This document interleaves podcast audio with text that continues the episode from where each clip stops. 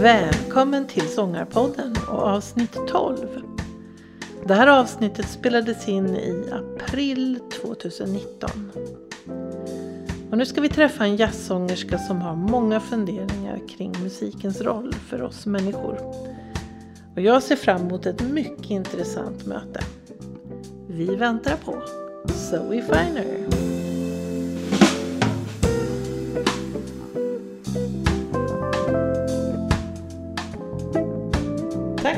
Fick komma till dig Zoe Finer. Tack själv.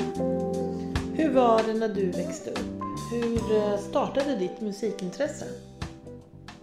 Först var det ju, gick jag på Adolf Fredrik och Fast jag kom inte in i mellanstadiet utan jag kom in först i högstadiet. Mm. Vilket var väldigt bra för mig. Jag började där i sjuan och gick där till nian. Eh, och vi bodde precis i närheten vilket är rätt ovanligt för de flesta som går på AF. Eh, bor om, kanske långt bort. Mm. Liksom. Det var inte så mycket innerstadsbarn som bodde där. Så först gick jag på lilla AF som var en, en vanlig eh, skola. Liksom, man måste mm. säga. Och sen vägg i vägg så låg det som man kallar för stora AF. Jag har ju varit en lite mer friare fågel eftersom mina föräldrar har uppfostrat mig och mina syskon väldigt, eh, väldigt sökande och väldigt så här, mm. kreativt. Mm. Um, jag gick extremt mycket när vi var små på utställningar, på konserter, på teater, på dans. Jag dansade, jag spelade teater som barn. Allt det där vägdes liksom ihop och musikal och vi hittade liksom den mm. vägen. Mm. Och sen har det lett till massa andra vägar. Men så jag, jag upplevde, och det var liksom afrikansk musik och det var liksom på 80-talet, vi var vegetarianer och så vi var en sån här mm. alternativ, eh, lite hippie. Mina föräldrar är akademiker men samtidigt väldigt kreativa. Pappa spelar piano och sjunger i kör. Och, och mamma är dansterapeut. Så att liksom, de har liksom lagt en grund att här, här ska man liksom upptäcka och leka och, mm. och uppleva saker. Mm. Och, och kreativitet och kultur är liksom ett nav. Det är härligt. Vilken ja. härlig uppväxt. Ja. ja. Jo, men det har varit en mm. ganska Nej, men skyddat på rätt många sätt också tycker jag. Och sen har man träffat väldigt mycket människor mm. genom åren. Mm. I och med att det har, vi, vi bodde i en ganska stor lägenhet och folk kom och gick liksom. Och det var mycket liksom, människor som samlades där. Sen skulle jag vilja ta upp en annan nyckelperson och det är min brors Rennys pappa Eric Bibb. Mm. Som eh, i ganska tidiga år um, han gjorde ju massa skivor och sånt där men i tidiga år i mitt liv uh, och min systers liv så fick vi möjlighet att gå till studio och sjunga in grejer med honom och sådär. Mm. Han gjorde ett projekt med barnlåtar i Rinkeby i början på 90-talet. Han hade en kör som hette Rinkeby Kids. Så då, då var vi en extra körer på de där mm. skivorna mm. som de gjorde. så. Då var jag i 12-13 eh, års åldern och var i, i den miljön liksom i studio och sådär. Så han och hans typ av stämma och att han håller på med den här folk blues och sånt mm. och liksom gitarrbaserad musik och inte så mycket stämmer och så med mycket känslor och mycket textberättande och så. Det har nog påverkat mig ganska mycket. Har jag tänkt på liksom under senare tid parallellt med det här lite stramare som jag skulle säga liksom den här sångskatten, svenska sångskatten mm. och sånt. En stor skola för mig som har varit liksom viktig det är ju eh, mellan åren 96 till 2001, fem år då. Då jobbade jag i en skivbörs, Stockholms skivbörs. Med en chef där som hette Lars Lasse Blenno. Och han har inte kvar skivaffären längre. Men han, alltså hela den upplevelsen. Jag började där när jag gick på gymnasiet. Men det är att liksom möta människor som har som inte kan musik men, men kan vara en bra lyssnare. Att träffa alla dessa väldigt ibland speciella människor som är specialkunniga och duktiga och intresserade av att vara en hängiven eh, liksom stöd, fan av en viss artist. Mm. Det var jätteintressant. Mm. Där de kom in och ville ha någon gillade bara en viss genre så visste man när de kom in nu har vi en ny skiva om det här. Mm. Så det var ju, och det har precis i över, övergången när Napster kom och hela den här illegala MP3 nedladdningen och alla var så här, nu kommer CD-skivorna dö ut och folk började bränna massa skivor och köpte inte så mycket CD-skivor. Så. så jag var med hela den där övergången och det har varit sån bra skola. Och också träffa och lyssna på, som jag uppfattar då, mycket gubbrock. För det är mycket det som, som har gått hem mycket på skivbörserna. Det är ju mer män men också mycket kvinnor. Och det gjorde någonting att jag var kvinna, ung tjej som stod i den här skivaffären. Och sen blev vi flera tjejer som stod där em, genom åren. Och då mötte ju vi, då mötte ju vi em, kunder på olika sätt. Och man fick in också mycket mer kvinnliga kunder upplevde jag. Och också butiken, hur den var utformad och sådär.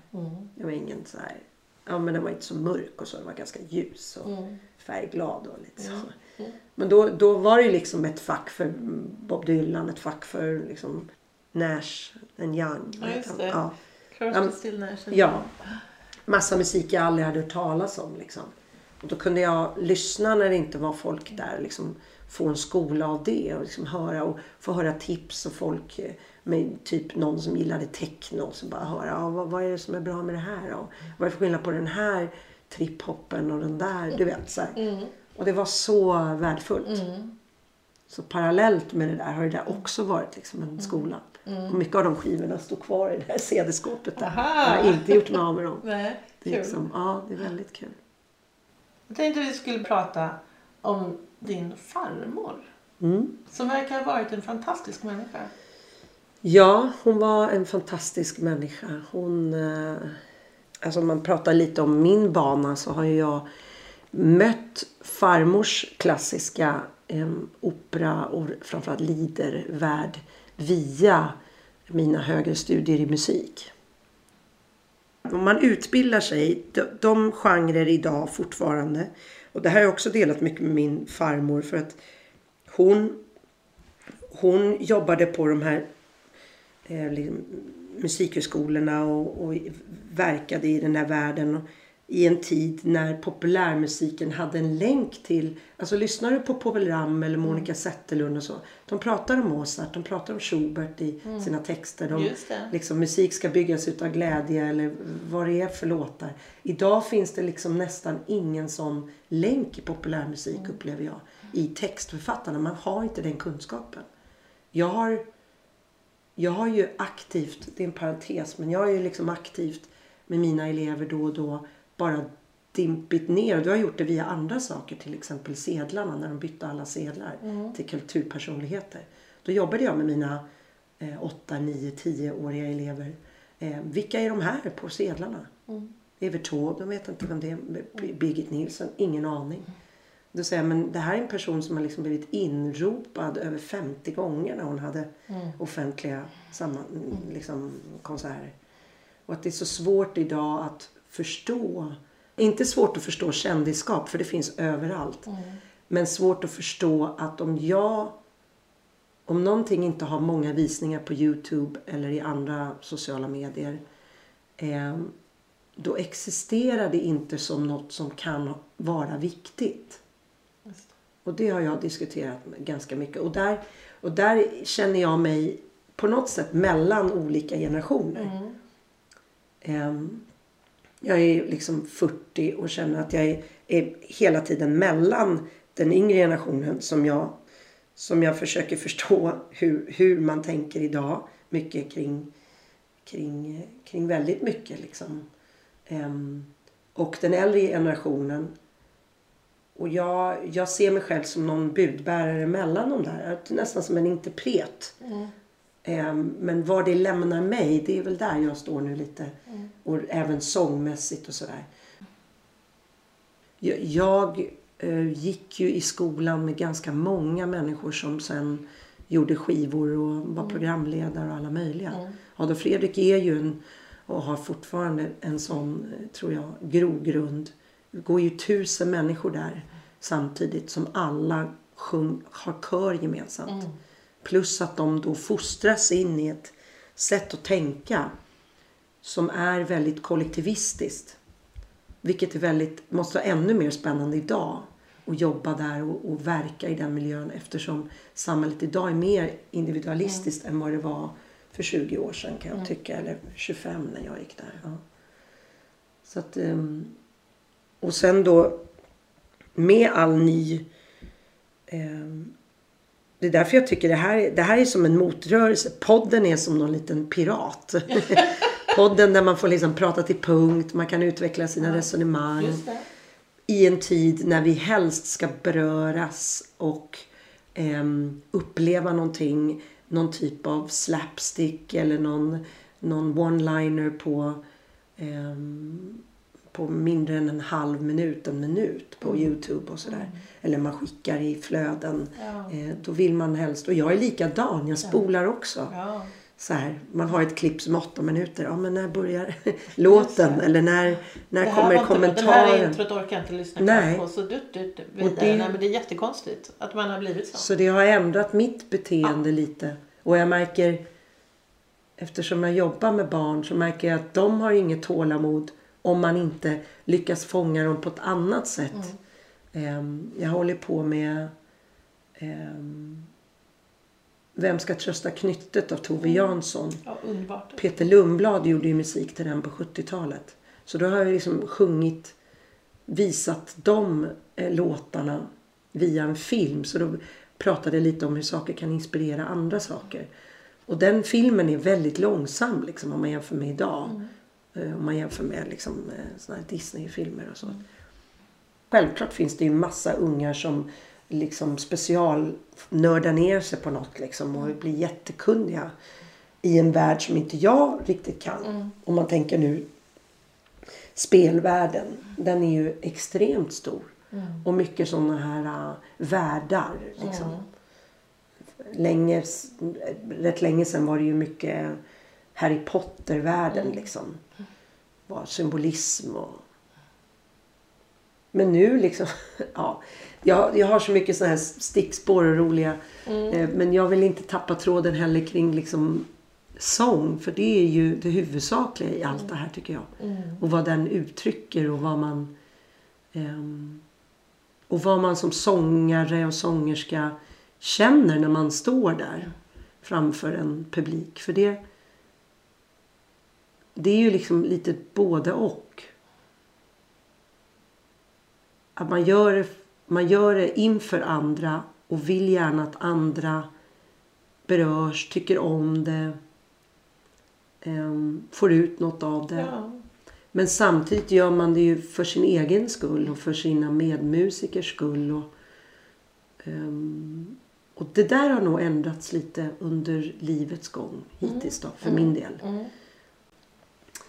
Det här med drivkrafter. Mm. Jätteintressant. Ja, För jag tänkte på din farmor till exempel. Vilken Mm. enorm drivkraft att komma från Ja, en ganska liksom, en, en förälder som inte har stöttat inom musik och ändå till slut bli en firad operasångerska. Mm. Eh, som, eh, som har påverkat väldigt många människor och bli professor i, sång. Det är framförallt som sångpedagog hon blev. Ja. Hon var ju liksom hon hade ju mycket så deviser. Hon, eh, Mm. hon sa liksom att man ska lära sig en ny sång i veckan. Jag har ju haft ganska många förebilder i olika genrer. Mm. Många manliga sångare och kvinnliga. När det kommer liksom, när jag på med, tyckte mycket om musikal när jag var yngre. Då var det ju väldigt mycket de manliga för jag är ju andra allt och liksom lågt register i min sång. Men sen har jag ju märkt med sångpedagogers pedagogers hjälp att jag har en höjd också men den kanske inte utvecklat lika mycket för jag tror man identifierar sig själv ganska mycket med det sångläge man har. Ehm, och talröst. Mm. Jag har en låg talröst och det har jag alltid haft. Men sen gick jag till talpedagog och då skulle jag ligga lite högre upp så här och prata. Jaha. Nu är jag lite trött i rösten idag. Men, och då blir det som att man får en liten annan identitet. För då hamnar man lite ljusare, blir man lite checkare och lite så. Och så hamnar man lite lägre och blir, får en annan eh, eh, liksom, tyngd kan jag tycka då. Men det som är intressant då när man ska försöka utveckla genrer, genrebredd och så. Det man väljer ju lite olika vägar. Förr i tiden så upplever jag att man valde vägar där man kanske tittade mycket mer på notbilden. Eller man lyssnade på vissa inspelningar och ville härma. Eh, och härmandet är en fas. Den gör ju många när man ska lära sig någonting. Ehm, men sen gäller det, sen är det den här om. Och nu har vi levt in ganska länge i en tid när vi omformulerar saker som redan har funnits. Paketerar om det liksom. Om en snabb låt på 80-talet ska göras om. Då ska det görs, göras om idag.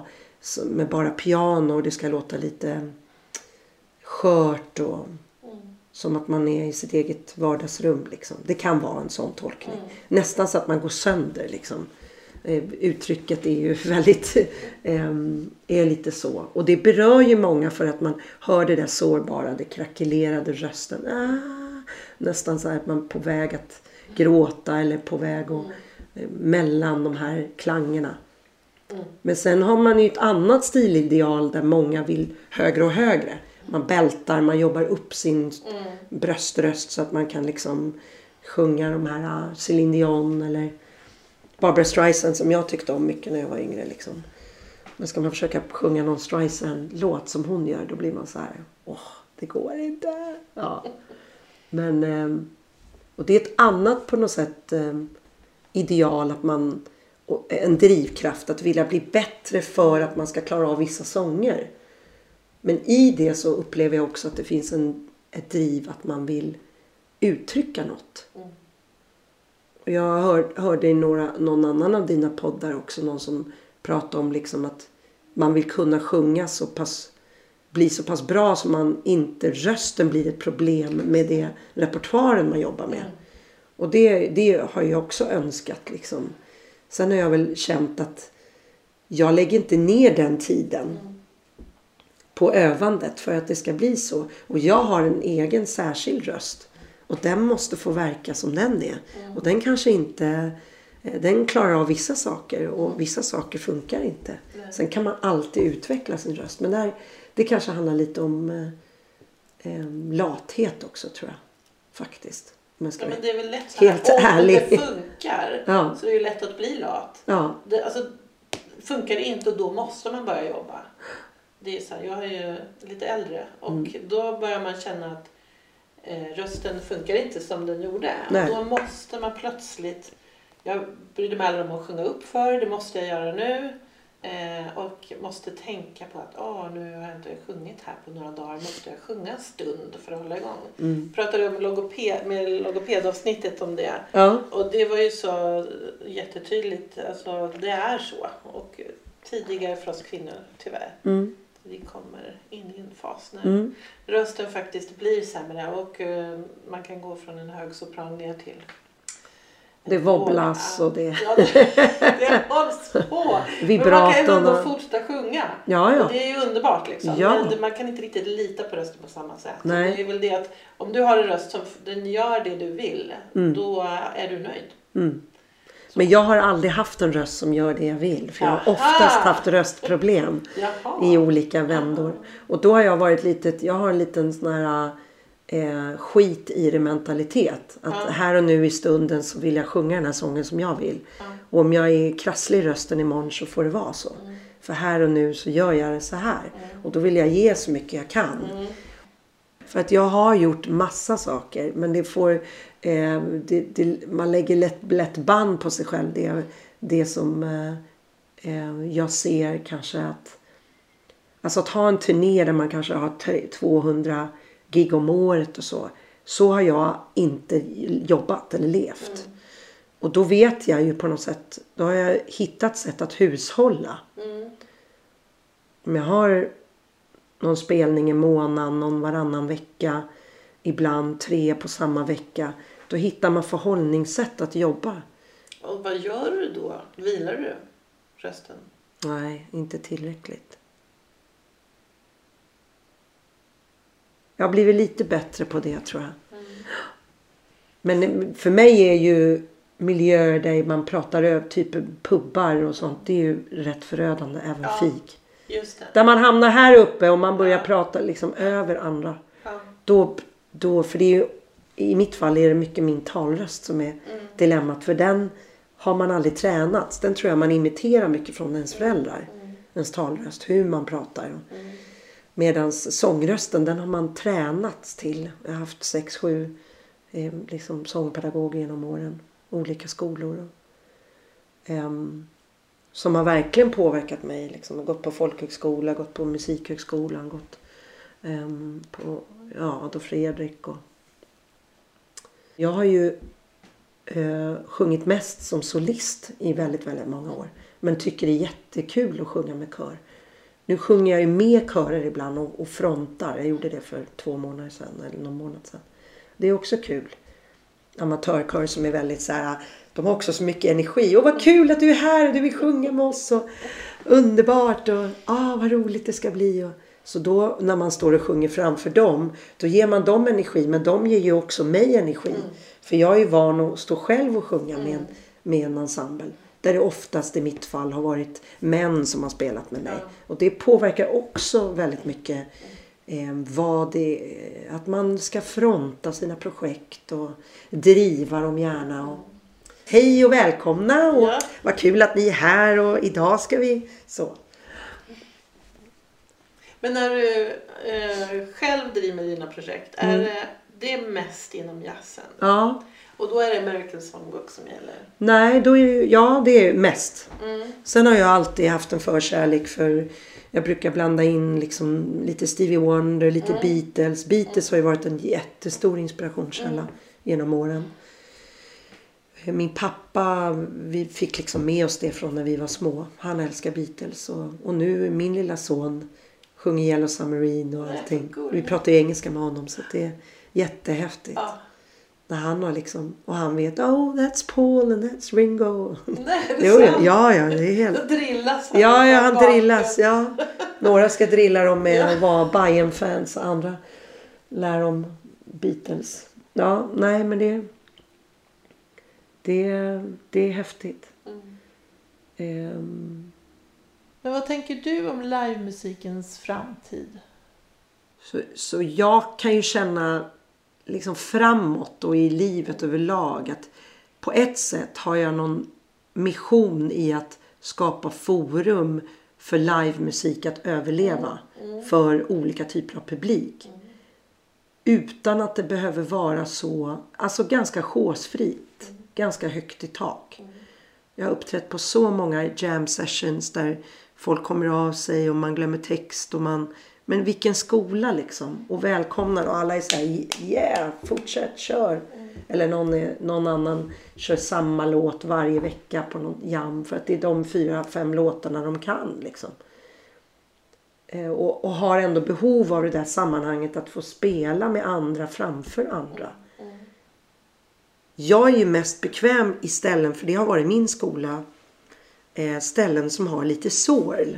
Där det lever. Mm, där publiken mm. liksom får vara en del av.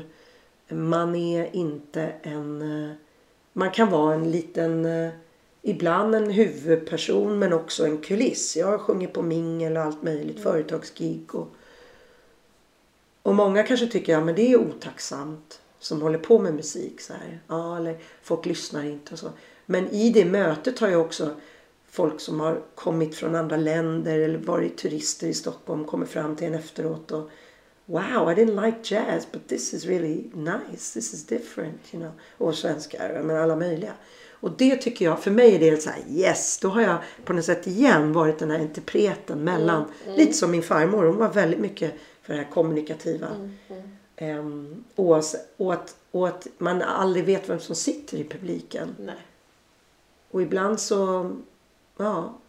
Vissa kan tycka så, ja, det är en sån här publik. Då spelar vi bara. Mm. De är äldre, då kan de inte lyssna på någon rock'n'roll-låt. Eller, oh, nej, de var inte födda på 50-talet när rocken kom. Nej.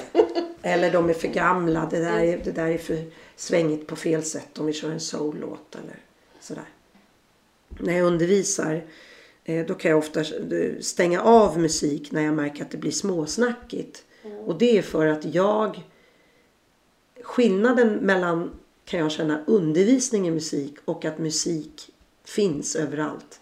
Det är att jag ska just ge någonting annat. Jag ska visa någonting annat under. undervisning och visar någonting annat under det som sker. Det var någon som sa på någon utbildning som jag hade många år sedan. Och då kom jag på, men vad, det heter ju det. Jag visar på någonting som mm. finns under. Mm. Eh, och jag, jag, fick en sån här, aha, är det därför det heter undervisning? Du vet. Eh, att när musik spelas då är det musiken som är det talade språket. Man behöver inte prata massa. Sen får jag tyvärr inte till det.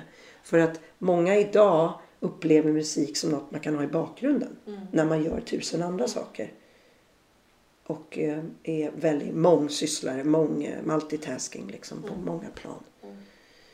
Och där har vi ju, det är en väldigt stor konsumtion i musik. Att bara ha på det som ett sorl.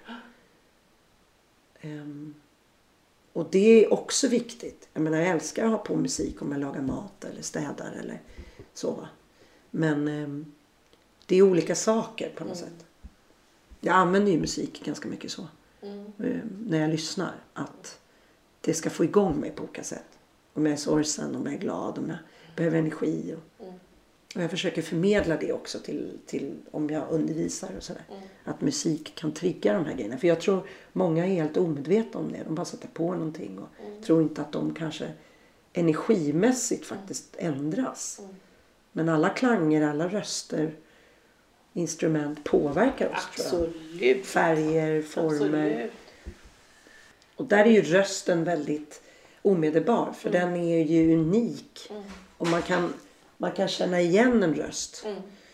Vilket man, jag inte alltid tycker, absolut inte tycker att man kan med instrumentalister. Men det kan ju jättemånga som är instrumentalister. Känna, ja men det är den där gitarristen. Och det är det jag menade lite innan. Att nu är det inte så tydligt att se vem spelade gitarr på den här mm. låten faktiskt. Mm.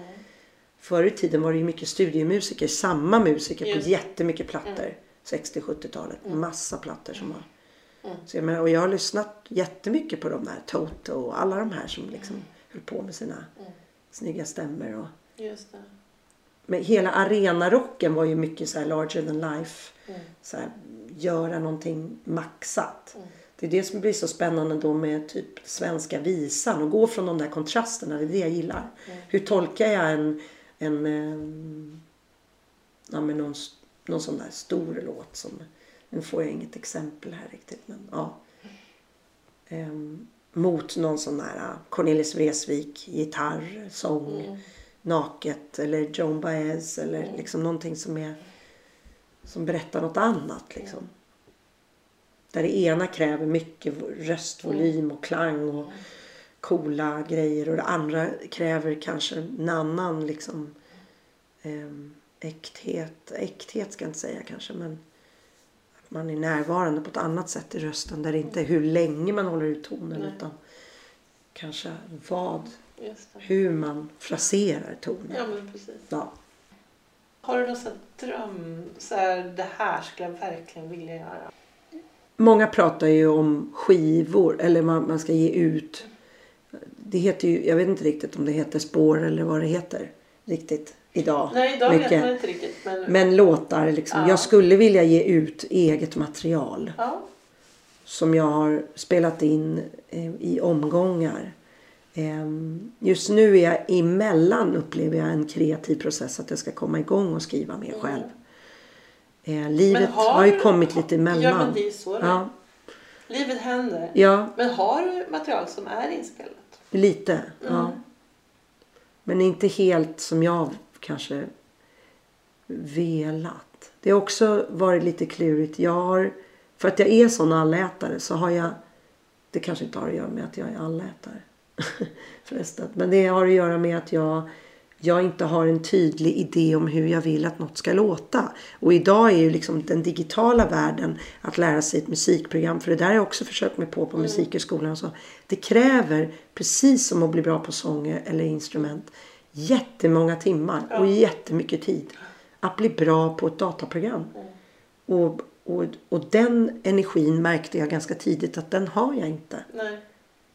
Och inte tillräckligt nyfiken mm. kring. Ja, vad händer om jag drar på den där regeln och vad händer? Ja, jag kan en del men inte så mycket som jag skulle behöva för att skapa ett sound. Och sen har jag jobbat med lite olika producenter genom åren men kanske inte fastnat för en specifik. För att jag också har den där bredden. Så då om jag går till någon som håller på med, med jazz då kanske man ska spela in allt det där live. Och går man in till någon annan som håller på med, med pop då är det mycket pålägg och så ska man sjunga så exakt liksom med sin egen röst och göra dub dubbleringar. Och, och då blir det lite mekaniskt. Ibland när jag hör sådana inspelningar så bara ja det här var ju fint men det är inte den där nerven. Det liksom känns att det jag kan uppleva att det är lite hopklippt liksom. Mm. Ehm, för att jag kommer från den här jazz, liksom blues, live musikvärlden på något sätt. Ehm, så det skulle jag vilja göra. Spela in egen musik. Och sen gärna göra någon typ av föreställning där flera uttryck kommer samman.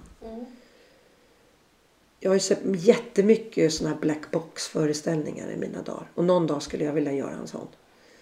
Bara kunna ha en projektor med bilder eller eh, om någon dansare och sång, sång, sång. Där allting liksom vävs ihop på något sätt. Mm. Jag vet inte exakt hur det skulle vara men jag hade en idé mm. för många år sedan. Liksom just om det här med utanförskap eller med Ja, för det har varit väldigt mycket om det här vi och dem. Och jag har gjort en låt som heter Vi och dem också. För att jag upplever att hela tiden att vi lever i, i den här lilla byn. Och samtidigt ska vi hela tiden ta in omvärlden. Um, och så vet vi inte riktigt våra egna rötter och så klagar vi och är arga på andras rötter. Och så blir det någon sån här rotlöshet. Um, och samtidigt så definierar vi oss som aldrig förr. Så jag, jag är väldigt så här jag tycker det är en intressant tid vi lever i men den är lite svårdefinierbar. Mm. Och så kanske alla upplever den samtid de lever i. Men som jag lever nu så har jag alltid haft friheten att välja ganska mycket vilka sånger jag vill framföra. Mm. Men dagen då man är sitt eget varumärke mm. då behöver man börja fundera på får jag göra det här? Och den känslan är jag, känner jag mig o, obekant med. Liksom. Mm. Jag tycker det har varit en frihetszon. Mm. Ja men det är klart jag får blanda det här med det här. Det. Men den dagen du har en egen repertoar, folk kommer få se dig sjunga din, dina hitlåtar. Ja, då kan inte du bara, nu ska jag köra en Cornelis-låt här eller nu vill jag... Just det, jag vill göra den på något annat sätt. Ja, eller nu vill jag bara köra, mm. nu vill jag Queen här eller jag vill sjunga Schubert eller vad sjuttsingen ja. det kan vara. Liksom. Nej, precis så fort du...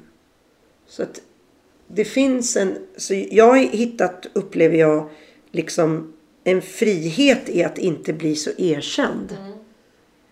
Men i det så finns det också en längtan som så många andra att det är klart det vore coolt att ha en publik som sjunger med med en sång. Mm. Liksom. Mm. Än att man sjunger allsång på Rosa på bal. Liksom. Det är också kul men det är ju det är inte mitt gebit att stå där och vara någon Evert Taube. Kan man komma liksom. till en blandning? Ja, det är ju min förhoppning. Ja. och jag har gjort det delvis ja. tycker jag absolut. Liksom, I projekt där det är nyskrivet. Och när man har sjungit egna sånger med körer eller ja. själv. Um, um, och blandat med andra mm. grejer. Det gjorde jag ju häromdagen när våra gemensamma bekanta liksom sjunga för hemlösa. Ett gäng låtar eh, på deras eh, möjlighet till att få frukost en morgon. Så kommer jag dit och de har ett piano där. Sjunger fyra, fem låtar medan mm. folk käkar frukost och funderar hur deras fortsättning på deras dag ska vara. Liksom. Och då blandade jag. Då körde jag eh, Under ytan med Uno Svenningsson mm. och så sjöng jag eh, While My Guitar Gently Weeps och så en egen låt och sen någon annan låt. Ja. Mm. Då vart det sådär. Då, det är bara där, där och då jag och de som är där. Mm. Det, det finns någonting extremt underbart med det. Mm. Ja, fantastiskt. och frigörande och mm. liksom. Och få vara där i sin... Och sen tänker jag lite på det som du var inne på. Eller lite så här sångar. Om det här med ens relation till en sångröst. Mm. Och mycket är det ju precis som en massa andra saker men det blir en vän på något sätt. Det slog mig häromdagen. Det här nynnandet. Man går på stan. Ungefär som, och det gör jag också fast folk erkänner inte riktigt det. Men man pratar med sig själv lite här och där. Det gör jag rätt mycket tror jag. Um, och sången blir också ett sätt att prata med en själv. Mm. Man hör något på radion som man du, du, du, du, du, du, du. Man går på väg till bussen. Har du alltid varit vän med din röst? Nej, det tror jag inte. Eller, ja, jag vet inte.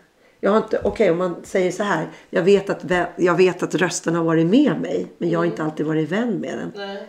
För att den i stunder har inte kunnat göra det jag vill. Mm. Jag, jag ser att jag, jag kan. ganska vanligt att man, ja, folk gillar inte när man hör en inspelning av sin egen röst. Och då blir man alldeles förskräckt och tänker. Oh, ja. liksom, det, det, här, det där är ju inte jag. Och så.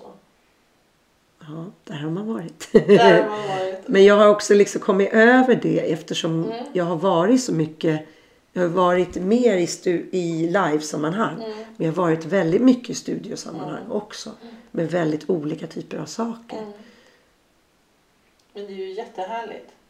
Jag har nog haft någon relation och tyckt om min röst men jag har blivit frustrerad över att den inte kan låta som andra röster. Aha. För jag har en ganska egen röst. Ja. Och då har jag velat så här, vem låter jag som? Nej, jag vet inte. Väldigt många människor jag känner kan jag säga, ja hon låter som hon. Mm. Men jag kan inte säga det om mig själv. Och jag har inte hört någon annan som kan säga det om mig själv heller riktigt. Så jag hade någon sån här blandning mellan att vilja vara någon, när jag var yngre, någon sån här Bette Midler. Liksom när hon höll på i sitt esse liksom på något sätt. Um, och någon, ja, jag vet inte. Vad mer riktigt. Och, och någon jazzig, ja jag vet inte. Så det har varit mycket det där att jag vet att jag har någonting unikt. Och det är också mm. något konstigt att leva med. Mm. Nu har vi pratat om många olika saker. Zoe, tack för ett jätteintressant samtal. Tack själv.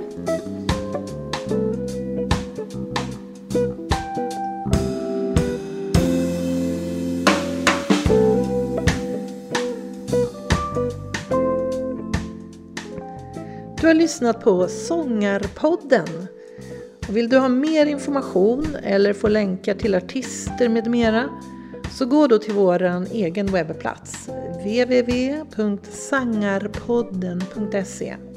Vi hörs!